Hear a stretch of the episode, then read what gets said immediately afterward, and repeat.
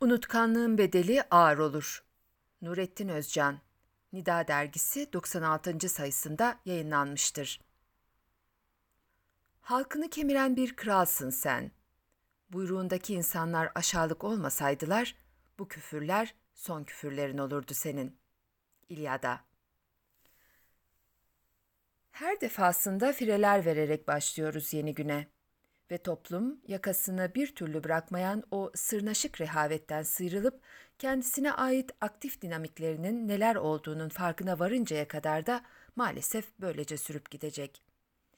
Bireysel planda ağır darbelere yol açmayacak medcezirleri zaman zaman anlayabiliriz ama toplumsal bünyede çok uzun on yılları aşıyorsa bu melankoli bir gün mutlaka önünüzde Pandora'nın kutusunu bulacaksınız.''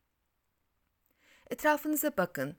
Bütün dünyadaki sınır tanımaz histerilerle dolu Amerikan yayılmacılığına ve sözüm ona ne menen bir şeyse küreselleşen uluslararası dayatmalara ve Orta Doğu platosundaki İsrail'in tahakkümcü, ezici ve yok sayıcı vahşi yerleşimciliğinin karşısında bir de dağınık Müslümanların gündelik hayatına bakın.''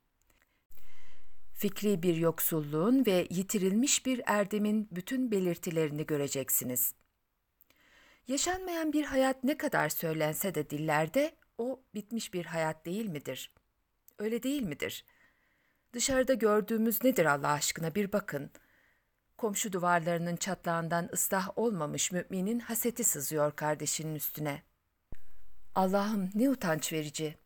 Allah Resulünden Şeyh Efendi'ye, oradan da siyasi terbiye edicilere ve ikbal vaat edenlere göçebe bir hayatı yaşayanlar. Kudurmuş ve her türlüsünden günahıyla mahşere dönmüş sokaklar. Bahar gelse de hala hüzün açan çiçekler. En alçak korkulara yurt olmuş gönüller. Sere serpe iffetini dağıtan bedenler. Özlesem de bir türlü içime düşüremediğim cemreler.'' Nerededir şimdi o özlemini çektiğim takva? O tevekkül bilsem hangi bedende sırmalanır? Kutlu müjdeler öylece duruyorken ortada nedir bu üzerimize yağan vurgun sağanağı? Hani şair diyor ya, hidayet senden olmazsa dirayet neylesin ya Rab? Arapça bilse de Ebu Cehle ayet neylesin ya Rab? Sürüp giden en temel sorunumuz gerçekten bize ait olan ve bizi bütün renk tonlarımızla anlatan sahici bir kimliğimizin olmayışıdır. Kendimizi hem toplumsal planda hem de bireysel planda bazı kalıpların içinde göstermeye özen duymuş olmamıza rağmen mutlak bir şahsiyet kazanmamızı sağlayacak yani doğrudan biz olmamızı sağlayacak olgunlaştırıcı güçlü bir şahsiyeti hiç bulamadık. Meselenin en dramatik tarafı meselelerimizi ama bütün meselelerimizi belki de bir Asya genetiği olarak hep duygusal hatlarda ele almamız ve bu aldatıcı tarafımızı ısrarla sahiplenmemiz olmuştur. Bu durum sadece bugüne ait bir durum değildir.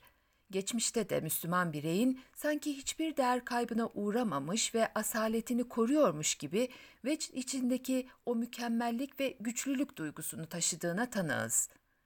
Bugünkü durum da zaten bu anlayışın yeni nesillere intikalinden başka bir şey değildir. Müslüman bireyin zihniyet olarak temsile çalıştığı ile gerçeklerin dünyasında ortaya koydukları arasında fark edilir kırılmalar olsa da o kendisini mutlu edecek değerleri yine kendi görenekleriyle normlaştırmıştır ve hayatı algılamada, değerlendirmede ve gereğinde yorumlar katmada kendisine özel yatıştırılamaz heyecanını hep korumuştur. Yani 1800'lerden günümüze bir bakarsanız insanımızın olaylar karşısındaki refleksleri hep gelenekçi bir teslimiyetle büyüklerine biat etmek ve onlar tarafından terbiye edilmeye açık olmak şeklinde kendisini göstermiştir. Bu yüzden Müslümanlık ve Müslüman oluş çok uzun bir süreden bu yana bir hayatı algılama, biçim ve renk katma yerine diğer yabancı kültürler karşısında sadece toplumsal bir imaj ve marka olma kabiliyeti olarak vitrinde kalmaktan öteye gidememiştir. Oysa sahiplenilmiş ve iddia taşıyan bir kimlik olarak ayakları yere basan bir Müslüman olduğunu söyleyebilmek esas olarak Allah'ın kitabında dikte ettiği normları kabul etme söyleminin çok ötesinde gündelik hayatında eğilip bükülmeden bunları yaşanılır kılma gayretini kendisinde bir sevda payı olarak bulan kimselerin işidir. İslam'a dair söylemler kitlelerin ağızlarında hep heyecan verici sloganlar olarak dalgalansa da bugün için bir Amerikalının sahip olduğu ve içinde yaşattığı üstünlük özencinin bir Yahudinin ne kadar insancıl gözükse de bazı istisna teşkil eden azınlıklar hariç kendilerinin dışındaki bütün insanları aşağılık hizmetkarlar olarak görmelerindeki dinsel argümanlarının karşısında Müslümanlar böbürlenerek sahiplendiklerini ve gururla temsil ettiklerini söyledikleri iç değerleriyle ne yazık ki İskambil kağıdındaki kral kadar güçsüz ve acınacak durumdadırlar. Ne yazık ki. Çünkü Müslüman birey yaşadığı sürece kendisini kesintisiz besleyecek olan ana arterlerinden koparılmış, toplumsal bir unsur olarak ya geleneksel aile öğretisinden beslenen İslam'a dahil edilmiş argümanlarla pasifize edilmiş ya da çok eğreti bir tarzda siyasallaşarak pankartların arasında sıkışıp kalmıştır. Bunda elbette onun sosyal meselelere bakarken içinde bulunduğu düşünce alanının payı çok büyüktür. O meselelerini popüler kavramlara göre ölçüp biçmektedir ve belki de kazanılmış bir alışkanlık olarak kendi kaynağındaki kavramlarla olaylara bakmayı hiç düşünmemektedir. Bu nokta son derece önemli bir alandır ve bir değişim özenci olarak batı orijinli kavramlarla hayat algılanmaya çalışıldığı içindir ki o yabancı unsurlar hayatımıza farkına varmadan dahil edilen düsturlar olarak sürekli karşımıza çıkmakta ve bizi istenildiği ölçüler içinde ehlileştirmeye çalışmaktadır. Bu alan basit gibi görünse de aslında basite alındığı ölçüde önemlidir. Zira bu süreçte geniş halk kitlelerinin ibadetleri bile iç kimliğini, ruhsal diriliğini ve anlamını kaybederek alışkanlık kalıplarını aşamayan niteliksiz figürler haline gelirken aydınların büyük bir kısmı da kendilerine ait olması gereken ritimlerini kaybederek temsil alanlarını boşaltmışlardır. Bir dönemde camilerde kilise tarzı ibadet denemeleri bu alanda oluşturulmuş bilinç boşluklarını çok iyi tanımlamaktadır. Daha sonra tecrübelerle öğrenileceği gibi bu gibi bilinç boşluklarından doğacak iç kirlenmenin acılarının sınırı olmayacaktır. Öyle ya, Thomas Kelly'nin dediği gibi Şarman'ın Saksonları Hristiyan yapışı vaaz yoluyla olmamıştı. Kılıcın keskinliği bazen işe yarıyor. Bu durum İslam ülkelerinin tamamına ait bir çözülmenin ve yönlendirilmelerinin özdeş tablosudur. Vaktiyle Tunus'ta Fransızlara karşı verdiği mücadelede güçlü bir siyasi meşruluğa sahip olan Bourguiba, toplumunu değiştirmek için çarpıcı şeyler yapar. Ramazan'da televizyondaki bir naklen yayın sırasında limonata içerek ya da Kurban Bayramı'nda koyunun kesilmesine engel olarak ve bunları dini açıdan doğru göstermeye de gayret ederek toplumsal değişimi sürdürür. İşte bütün bu olgular belli zeminlerde meşruiyet kazanırken hep yeni dünyaya ait sözüm ona çözümler sunan ilerici algılama biçimi olarak halka sunulur. Mesela 1975 Cezayir Anlaşması'ndan beri İran ve Irak Şatül Arap sularını denetimli kullanırlar. Ancak Saddam Hüseyin İran'a saldırır. Bu saldırı aynı zamanda ona iktidarını sağlamlaştırma ve azınlık olan Şiilerin İran'ı örnek alarak rejime karşı harekete geçmelerini engelleme imkanı veriyordu. Son olarak da özellikle bölgesel ve uluslararası düzeyde İran'daki olayların endişelendirdiği ve sıçramasından çekinen herkesin teşvikinden yararlanır kendilerini en çok tehdit altında hisseden Arap monarşileri modern Arap milliyetçiliğini Arap olmayan İran'a karşı seferberliğe sokacak bir savaşı desteklerler ve büyük ölçüde mali kaynağını sağlarlar. Bu arada da göndermelerini Irak saldırılarına adı verilen 636 yılındaki Kadisiye Savaşı'nda Sasanilerin elindeki Fars ülkesini alt eden Arap İslam'ında ararlar. Tahran'da bundan aşağı kalmayacak, layık olan, dolayısıyla da İslam münkiri olan Baas Partisi'nin başını imandan dönmekle itham edecektir. İran saldırılarına da bundan dolayı ilk halife Ebu Bekir'in İslam'dan dönen Arap kabilelerine karşı yürüttüğü savaşların adı verilecektir. Herkes hakiki İslam'ı kendisinin savunduğunu söyleyerek rakibinin din kullanımını geçersiz kılmak istemektedir. Burada aslında görülen şudur ki toplumlar zayıf düştüklerinde gündelik hayatlarını, sosyal ve siyasal olguları kendilerine ait öz ritüelleriyle değil de kendilerine sunulan temsili imajlarla anlarlar. İşte kırılmanın başladığı nokta da burasıdır. İslamca bir tepki gibi görülse de kitlesel oluşlardan bireysel varlığa kadar bütün bu benzer beşeri ilişkiler dramatik gayretler içinde bocalayan halka gerçek gibi yapılan sunumlardır. Peki temelinde ne vardır? Bütün aldanışların temelinde bireyin bilgi kodlarının yanlış referanslarla rezonansa girmesi vardır. Bizim toplumsal serüvenimiz ve algılama biçimlerimiz diğer toplumlarla elbette benzerlikler taşır ama ayrıcalıklı olduğumuz ve burnumuzdan kıl aldırmadığımız kendimize özel hassasiyetlerimiz vardır. İnsan psikolojisinde önemli bir yeri olan ama bizim toplumumuzda ise bireye tamamen hakim olduğunu bildiğimiz bir sıkıntı var.''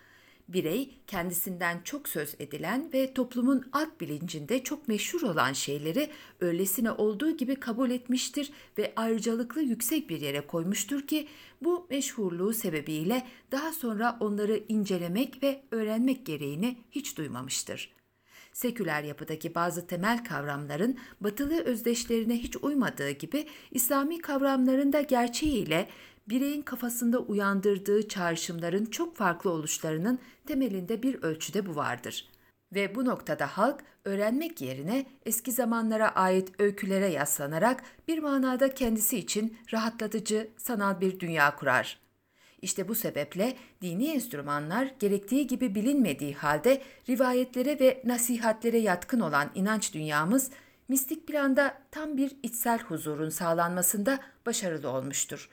Mesela bu hem bir platoda yetişen ailelerin bile ne pahasına olursa olsun domuz etini Müslüman oldukları için şiddetli bir kararlılıkla reddetmelerine karşılık sınırsız bir şekilde tükettikleri içkiye özel bir alan tanımaları gibi. Batılı siyaset ve devlet adamlarına kadar fikir dünyasında çok geniş bir alanın hayranlığını kazanmış oldukça yüksek bir kültürün temsilcisi olan Yahya Kemal bile aynı noktadaki fikir esaretinden kurtulamamıştır. Atik Valideden adlı şiirinde bir Ramazan akşamında iftar öncesinin sokaklara yansıyan o müthiş ulviyetini anlatırken kendisinin böyle olmadığını ama en azından böyle duyguları olduğu için teselli bulduğunu üzüntü ile ifade etmesi anlaşılır gibi değildir. Ziya Gökalp'ın kendisini harabisin harabati değilsin, kökün mazidedir, ati değilsin diye kınamasına karşılık olarak Yahya Kemal ne harabiyim ne harabatiyim. Kökü mazide olan atiyim diye cevap verirken aslında inanç alanının geçmişe ait toplumsal bünye olduğunu ifade eder ama buraya bir şekilde Resul ölçüsünü yerleştirmeyi başaramamıştır. Halbuki İslam oluşun imrendiren o ilk terbiyesini ne kadar güzel anlatır. Kendi kendime diyorum ki Şişli, Kadıköy, Moda gibi semtlerde doğan, büyüyen, oynayan Türk çocukları milliyetlerinden tam bir derecede nasip alabiliyorlar mı? O semtlerdeki minareler görünmez, ezanlar işitilmez ve kandil günleri hissedilmez. Çocuklar Müslümanlığın çocukluk rüyasını nasıl görürler? İşte bu rüya, çocukluk dediğimiz bu Müslüman rüyasıdır ki bizi henüz bir millet halinde ayakta tutuyor.'' Bugünkü Türk babaları havası ve toprağı Müslümanlık rüyası ile dolu semtlerde doğdular. Doğarken kulaklarına ezan okundu. Evlerinin odalarında namaza durmuş ihtiyar nineleri gördüler. Mübarek günlerin akşamları bir minderin köşesinde okunan Kur'an'ın sesini işittiler. Bir raf üzerinde duran Kitabullah'ı indirdiler. Küçücük elleriyle açtılar. Gül yağı gibi bir ruh olan sarı sayfelerini kokladılar.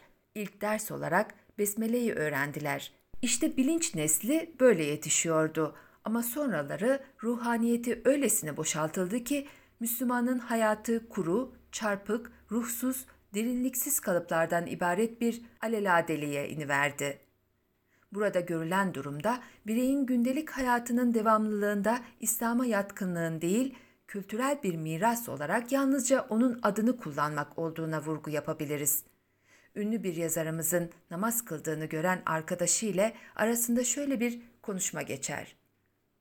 Ay siz namaz mı kılarsınız? Evet. Beş vakit mi? Evet. Fazla gelmiyor mu? Toplum adına buradan çıkarabileceğimiz sonuç daima yaşadığı inanç alanının kutsiyetini telaffuz ettiği halde çok değişik sebeplerle kendi orijinine inemediği, yüz yüze gelemediği ve dolayısıyla hayatına bir üslup sağlayacak bilinç oluşturamadığı için inanç dünyası şimdilik toplumsal alanda ciddi bir kıymet ifade etmemektedir. Duygusal olarak bu ifadeye doğru diyebilmek üzücüdür ama vakia bir realite olarak maalesef önümüzde durmaktadır. Tarihi ortamlar içinde devam ediyor gibi görünen kültür, toplum varlıkları eski bütünlükleri içindeki yerleri ve anlamlarını bu eski bütünlükler kırıldığı, parçalandığı için yitirerek devam etmiş olabilir. Bir örnek verelim. İspanyol fethi öncesindeki Aztek ve İnka uygarlıklarındaki milyonlarca yerli insan İspanyol fethinden sonra hayatta kaldı, üredi. Bugün mesela Meksika ve Şili'de yaşayan milyonlarca insan İspanyol, Aztek ve İnka devletlerini ve uygarlıklarını kırmadan önce Aztek ve İnka kültürlerini taşımış ve yeniden üremiş insanların torunlarıdır. Bu insanlar mantıki olarak elbette ki İspanyol öncesi uygarlığı, kültürü taşıyan ve yeniden üreten atalarından birçok kültür malzemesini devraldılar. Bu anlamda eski Aztek ve İnka kültürleri bir şeyleri ile devam etti. Ama Aztek ve İnka kültürlerinin bütünlüğü kırıldığı için Aztek ya da İnka kültürü devam etmedi. Devamlılık kırılmış bir eski bütünlüğün parçalarının yeni ekleşmeler içinde eskisine benzemeyen yeni bütünlükler oluşturarak devam ettiği bir devamlılıktı. İşte bizim üzerinde çokça konuştuğumuz ve kutsiyetine katılımda her kesimin paydaş olduğu İslami değerlerin algılanma ve yaşanılır kılma olgusu maalesef bu gibi sosyolojik vakalar ve bazı etkin belirleyiciler sebebiyle asıl kitabi metinlerle resleşir hale getirilmiştir. Böylesine kırılıp örselenmiş toplumun yeni bilinç önderleri de elbette İbrahimi ya da Musa aleyhisselam gibi sağlam bir duruş sergileyemedikleri için bulundukları zeminin sürekli kaygan olmasını kolaylaştırmışlardır. Çoğu zaman kendilerine toz kondurulmayan ve ulviyet bile izafe edilebilen bazı kitle önderleri yaşanılan olaylarda vahyin dikte ettiği değerleriyle modern toplumsal değerler arasında seçime zorlayıcı bir kırılganlık doğduğunda çok aceleci bir tavırla yanlış anlaşılmaktan korkarak kendilerini ezile büzüle affettirme telaşına düşüp rahatlama yolunu tuttular. Zaten göz kamaştıran bir ışıltıları da olmadığı için hep dışlanmak korkusuyla yaşadılar ve karanlıklardan daha karanlıklara doğru yol almayı sürdürdüler. Bu dönemler Hatice'nin, Ümmü Habibe'nin ve Meryem'in efsununu bırakıp Eros'un şuhluğuna imrendiğimiz yıllardır ve o yıllar ne yazık ki içinde bulunduğumuz zorlu çöküş geleneğimizin hazırlandığı hüsran yıllarıdır.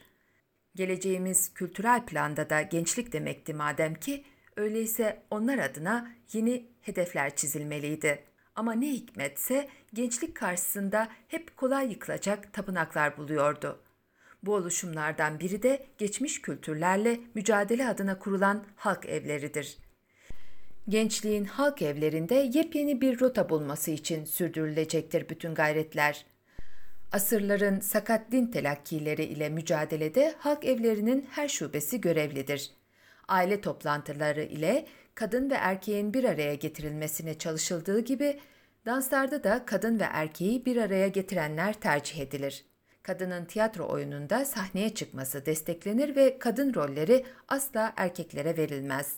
Halk evleri kendi binaları ile bu yeni ve modern mimari zevkinin örneklerini oluşturur.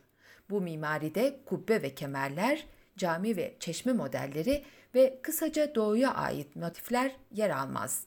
Yine bir telkin aracı olan halk evleri binaları üzerinde ne mutlu Türk'üm diyene gibi vecizeler hem ulus fikrini aktarır hem de Latin harfleriyle yeni laik düzeni simgeler.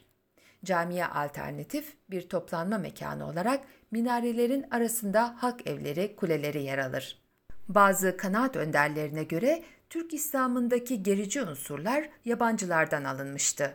Cemal Gürsel, İranlı ve Pakistanlı gazetecilere İslam'ın Arap diline kölelikten kurtarılması gerektiğini söyler. Çarşaf kesinlikle Türk değildi. Refik Tulgay'a göre çarşaf kiliseden kalma bir alışkanlıktır ve Müslümanlıkla hiç ilgisi yoktur. Zira ben İtalya'da papaz kadınlarda da aynı tip çarşaflar gördüm. Bunun ancak gericilikle ilgisi olabilir diyordu. İslami gelenekleri Tulga'dan daha iyi bilen İstanbul müftüsü ise çarşaf kelimesi bile Türkçe değildir. Kelimenin esası Acemce'den gelmiştir diyerek bu konuşmaya hak veriyordu. Hatta bir dönemde Yüksek İslam Enstitülerinin yaptıkları boykot karşısında o da ne demek? Hazreti Peygamber boykot mu yapmıştı? Elinde pankart yürüyüş mü yapmıştı? diyerek din adına nereye taraf olduklarını açıkça gösterdiler.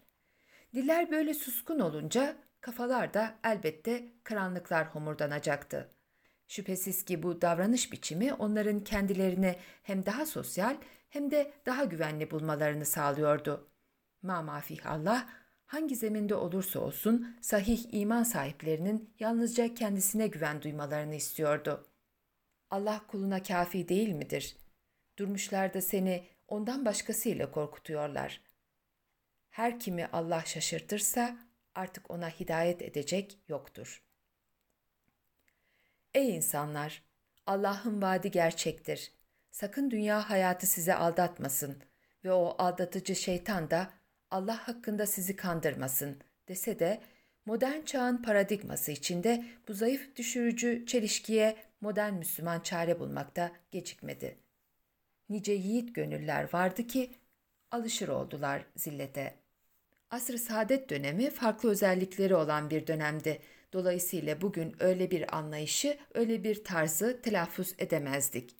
Yani yine Müslümandık ama yine de Musa'nın Firavun karşısındaki dimdik duruşunu şimdilik konuşmaya gerek yoktu.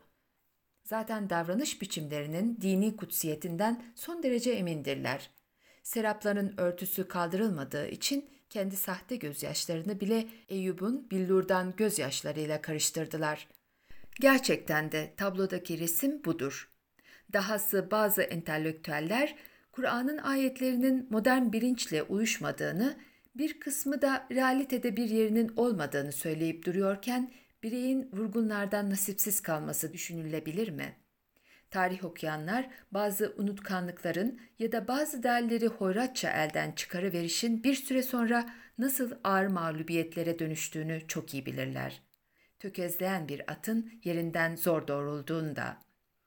Evet, bunun çok iyi farkında olmak gerekir. Çünkü tarih her önüne gelene mutlu bir yaşamı sokaklarda sebil gibi dağıtmıyor. Unutkanlığınızla güçsüz düşmüşseniz bunun darası da ağır olacaktır. Yaratılmış insan Rabbinin hiçbir şeyiyle uzlaşmaya ihtiyaç duymayacağını, günübirlik siyasal endişelerini, statikoyu ve bireysel egolarını aşarak hissedebilmelidir. O vahyin getirdikleri alnımızdaki tarihsel lekeleri temizleyebilecek başlı başına bir değerdir ve karşıtı yoktur. Onun ilahi bir kaynaktan besleniyor olmasının başlıca sebebi budur. Bu bir kitaptır ki onunla uyarman için ve müminlere bir öğüt olmak üzere sana indirdi. Öyleyse bundan dolayı göğsünde bir sıkıntı olmasın. Rabbinizden size indirilene uyun. Ondan başkasına uymayın. Ne az öğüt alıyorsunuz.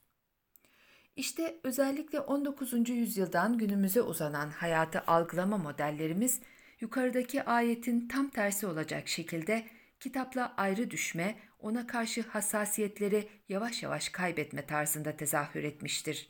Toplumsal bünyemizde sürekli oluşturulan gelişim modelleri toplumsal topografyanın bütün katlarında çok zaman daha nefsi olanlara yaklaşma eğilimini aşamamıştır. Bu yüzden de karşımızda yanlış ve değersiz simetriler bulduk. Bireysel alanda bir türlü ortaya koymayı beceremediğimiz çok zamanda beraberinde ağır hayal kırıklıklarını bize taşıyan köklü davranış biçimlerimiz ne yazık ki algılama problemlerimiz sebebiyle eni konu ağırlığı olan yüksek bir standardı bulamamıştır. Birey sürekli masum ve hakları gasp edilen bir kimse olduğunu telaffuz ederek bundan masumiyet adına tarifsiz iç rahatlığı duyarken diğer yandan da içinden bir türlü çıkamadığı o gülünç çelişkilerinin hiç göze batmıyor oluşu ayrı bir garabettir. Bu sebeple güncel bazı tutkunu olduğumuz envanterleri de göz önüne alacak olursak, söylemlerimizin dışında ne kadar uygunsuz ve aslında bize ait olmaması gereken bir yanılsama içinde olduğumuzu belki daha iyi fark edebiliriz. Yıllarımıza mal olan ve nesillerimizi tümüyle yoksullaştıran bu yanılsama ancak hayata dair kavramların Kur'an'a ait öğeler olarak tercih edilmesiyle aşılabilir istenilen yüksek toplumsal standarda yine bu yolla ulaşabiliriz. Fakat her gün onunla yaşamazsak bunu nasıl başarabileceğiz? Mesela her gün kullandığımız adalet ve doğruluk vesaire gibi kavramların Kur'an'a uygun düşüp düşmediğini bir kriterle ortaya koymazsak hangi yol üzerinde olduğumuzu nasıl anlayacağız? Bu çok önemlidir. Çünkü buradan çıkacak sonuç doğrudan doğruya bireyin hayatına bir karakter olarak etki edecektir ve onunla birey ya göz kamaştıran bir güzelliği bulacak ya da avuntularıyla teselli bulacaktır. İman edenler ve imanlarını zulüm ile karıştırmayanlar. İşte güven onlarındır ve doğru yolu bulanlar da onlardır.'' Bu ise alışılagelinmiş, cakalı bir gösterişin ötesinde özel bir çabayı ve yorulmayı göze alan, Rab ve kul ilişkisini sağlam bir kaideye oturtan ciddi bir mücadele disiplinini gerektirir. Bu manada bir kimliğe erip onu bir norm ve stil olarak sahiplenebilmek ise geleneksel aile ocağı envanterimizde çokça bulunan kelimelerle ve niyete dayalı Müslüman oluverme kültürünün ötesinde Rabbini iktidarında ve kullarını terbiye etmede tek hak sahibi görme uyanıklığı ile ilişkilidir. Eğer bugün olduğu gibi birçok nebinin hafızalarda kalan son izli de silinmişse ya da menkıbelerde tekrarlanan anılar olarak kalmışsa bu işi cidden ele almak zorundasınız. Aksi halde gündelik hayatımız sonunu bir türlü tatlıya bağlayamadığımız serin kanlı gündelik süppelikler olarak eriyip gidecektir.'' Mümin daha derin kayıplara uğramadan donup bakışlarını anlam kazandıracak, içine ferahlık verecek ve bütün uzviyetini mağrur küstahlıklardan arındıracak Furkan öğretisiyle yüzleşmek zorundadır. İnananların gönüllerinin Allah'ı anması ve ondan inen gerçeğe içten bağlanma zamanı daha gelmedi mi? Onlar daha önce kendilerine kitap verilenler gibi olmasınlar. Onların üzerinden uzun zaman geçti de kalpleri katılaştı, çoğu yoldan çıkmış kimselerdir. Böyle bir kimliğin sahiplerini popüler dünyada kendi renkleriyle görebiliyor muyuz? Ben emin değilim. Onları çok defa oz büyücüsü gibi ortalık yerde güvensiz ve tedirgin görmüyor muyuz? Dikkat edin, hayatı vahyin güven ve sürür veren tutkusuyla yaşamayı bırakmış müminin artık son tangosudur bu.'' Şurası daima hatırda tutulmalıdır ki bizim hayatımız herhangi bir sahnede oynanan tanıdık bir dramın çok daha ötesinde yüksek insani ideallere can verecek ve onu ölümsüz kılacak bir formu temsil eder. Dolayısıyla Müslüman birey gündelik hayatında en basit şekliyle kitabi söylemleri dillendiren kimseden çok o kitabın öğretilerinin zihninde ve kalbinde yankısını bulan kimsedir. Mümin Belkıs'ın büyüsünü Rabbinin rahmetine yey tutmayan bir yürektir. Mümin her lahza Kur'an'ın kafasında infilaklar yarattığı kimsedir. Rabbinin ''Ey insan, ihsanı bol Rabbine karşı seni aldatan nedir?'' hitabı karşısında içinde bir türlü sıyrılamadığı zaaflarından utanç duyandır. Önüne nedenle zorluk çıksa da engeller ilmik ilmik tuzakları açandır. Leyla gibi kara sevdalar değil, şehvetler sürülse de bedenlere Yusuf gibi Rabbine kulluğunu bulandır. Ama ne yazık ki köhnemiş modern müminin kulluk vakarı yok. O yüzden yalnızca tafralar kalmıştır suratında. Önemli olan şudur, eğer yürekler viran olmuşsa ve Muhammed'in getirdiği ahlaki öğreti tenhalara atılmışsa, sapmalar da o nispette derin olacaktır.'' Bu durum sadece bireyin değil, bütün bir toplumun ve tüm ünitelerinin birer toz yığını haline getirilişi demektir. Düşünün bir zamanlar ahi dervişlerinin kurduğu ve fetihlerin sembolü olan Yeniçeri Teşkilatı'nı. Devleti ebed müddetin o yenilmez gücü, Osmanlı'nın o efsane askeri teşkilatı da Muhammedi terbiyesini kaybediyor ve payitahtı durulmaz bir sel gibi aklanmaz günahlar basıyordu. Kulluk kasrının yıkıldığı ve inşirahın işitilmediği, mushaf sahifelerinin kapatıldığı ama yine de elhamdülillahın dudaklardan eksik olmadığı utanç dolu yıllar. Üsküdar'da Büyük İskele ve Balaban İskelesi, Galata'da Çeşme Meydanı, Tophane ve Salıpazarı tarafları, İstanbul'da Unkapanı, Tahtakale, Yeni İskele, Bahçekapı, Yeniçeri Erazil ve Eşkıyası'nın arı kovanı gibi kaynaştığı yerlerdi. Buralarda güpegündüz, ırzehli kadın, kız, erkek çocuk şöyle dursun, eli yüzü düzgün koca delikanlılar bile geçemezdi. Buralardaki bekar odaları hakiki manada birer cinayet ve fuhuş yuvasıydı. Hele bahçe kapıda sur dışında boydan boya uzanan bekar odalarına Melek Girmez Sokağı adı verilmişti. 1812 veba salgınında Padişah II. Mahmud fırsattan istifade ederek Üsküdar, Galata ve İstanbul'daki bütün bekar odalarını yıktırmış, bu arada Melek Girmez Sokağı'nda bir alay çocuklu fahişeler bulunmuş ve bu sokağın üzerine bir cami yaptırarak adını Hidayet Camisi koydurtmuştu. Evet, Yavuz'un halifeliği Ayasofya'da yapılan bir törenle kendisinden devraldığı Abbasi soyundan İslam halifesi mütevekkil Alallah'ın kadınlara düşkünlüğü sebebiyle bir süre yedi kule zindanlarına atıldığı düşünülürse içinde bulunulduğu söylenilen İslami hayatın nasıl bir çözülme gösterdiği daha açık anlaşılabilir. Uzun bir dönemde yarattığımız ve Kur'ani bütün aydınlıklardan sıyrılmış kültürel çöplük bundan sonraki beşeri ilişkileri de güvenle paylaşamayacak ürkek bireyler yetiştirecektir.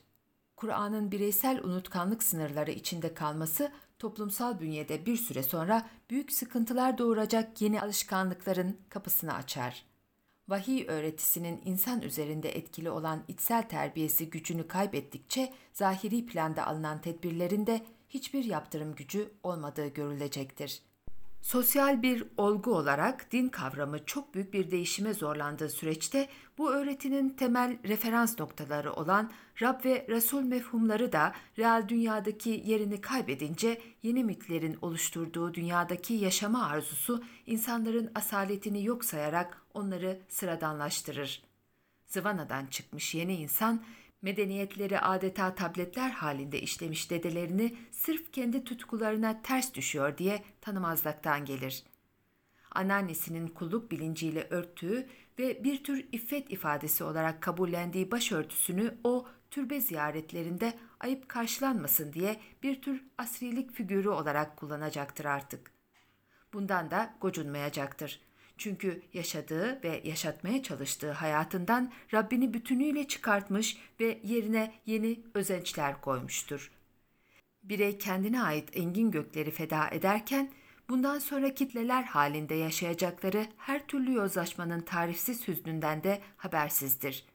Zira yeni dünyanın yalnızca bedenlere hitap eden doyumsuz özenci, estetik heyecanları ile bireyin saklı kalan bütün manevi kıymetlerini teker teker ezerek sıradanlaşmış bir yığın haline getirir. Onlar için artık kadim bir dine ihtiyaç yoktur.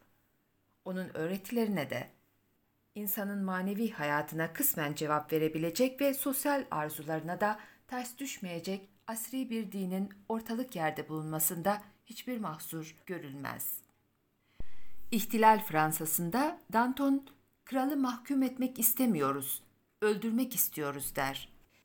Biz de nesillerimizi kutsal değerleriyle restleştirip yabancı podyumlarda yavaş yavaş öldürdük. Aşkı ebediyi öğreten rahleler teker teker kırıldıkça birey mülevves ve müsvedde bir hayatı yaşamaya başlar.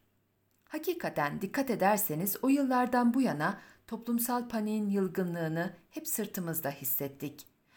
Kur'an'ın insanoğlunun iffetine kadar uzanan terbiye ediciliği bırakılıp onun öğretisi yalnızca eskilerin masalı olarak dinlenmeye başlanınca kazanılmış bütün şahsiyetini tüketen birey içindeki gizli kalmış ve ıslah edilmemiş bütün ihtiraslarını ortaya çıkarmaya başladı. Bundan böyle artık özlü değerlerini kaybeden birey farkında olmasa da yeni trajedi alanlarını belirleyecektir. Thomas Carly ne güzel ifade ediyor. İman büyük bir şeydir. Her şeye can verir. Bir millet bir kere inanmaya başladı mı çabucak büyük, verimli ve ruh yükseltici bir kuvvet olur. Muhammed sallallahu aleyhi ve sellem denen insan, değersiz bir kara kum denizi gibi görünen bir dünya üzerine düşmüş bir kıvılcım, tek bir kıvılcım gibi değil midir? Fakat bu kum denizi birdenbire bir barut yığını haline gelmiş, Delhi'den Gırnata'ya kadar bir alev halinde parlayıp gökyüzüne yükselmiştir. Daha önce de söyledim. Büyük adam daima gökten fışkırmış bir şimşektir. Bütün insanlar onu yakalamaya hazır şeyler gibi beklerler ve o gelince de hep birlikte tutuşurlar. Evet, Kali böyle söylüyor. İşte bizim yavaş yavaş kaybettiğimiz tutuşmaya hazır olan cevherimizdi. Artık arafı falan istemiyorduk. Bizler daha sonraları nedamet duyacağımız şekilde kutsal öğretilerden arınıyorduk ve arındıkça da kirleniyorduk. Bu gelinen tanımadığımız yabancı sokaklarda Allah'ın Resulü'nün ışıltılı ayak izlerini yeniden bulabilecek miyiz bilmiyorum. Ortalık yerde ideolojik azgınlıklar ve bireyi kışkırtan tamahkar çirkinlikler kol geziyor. Nerede bir yangın görürseniz bilin ki orada tutuşan mücrim bir müminin mihrabı vardır.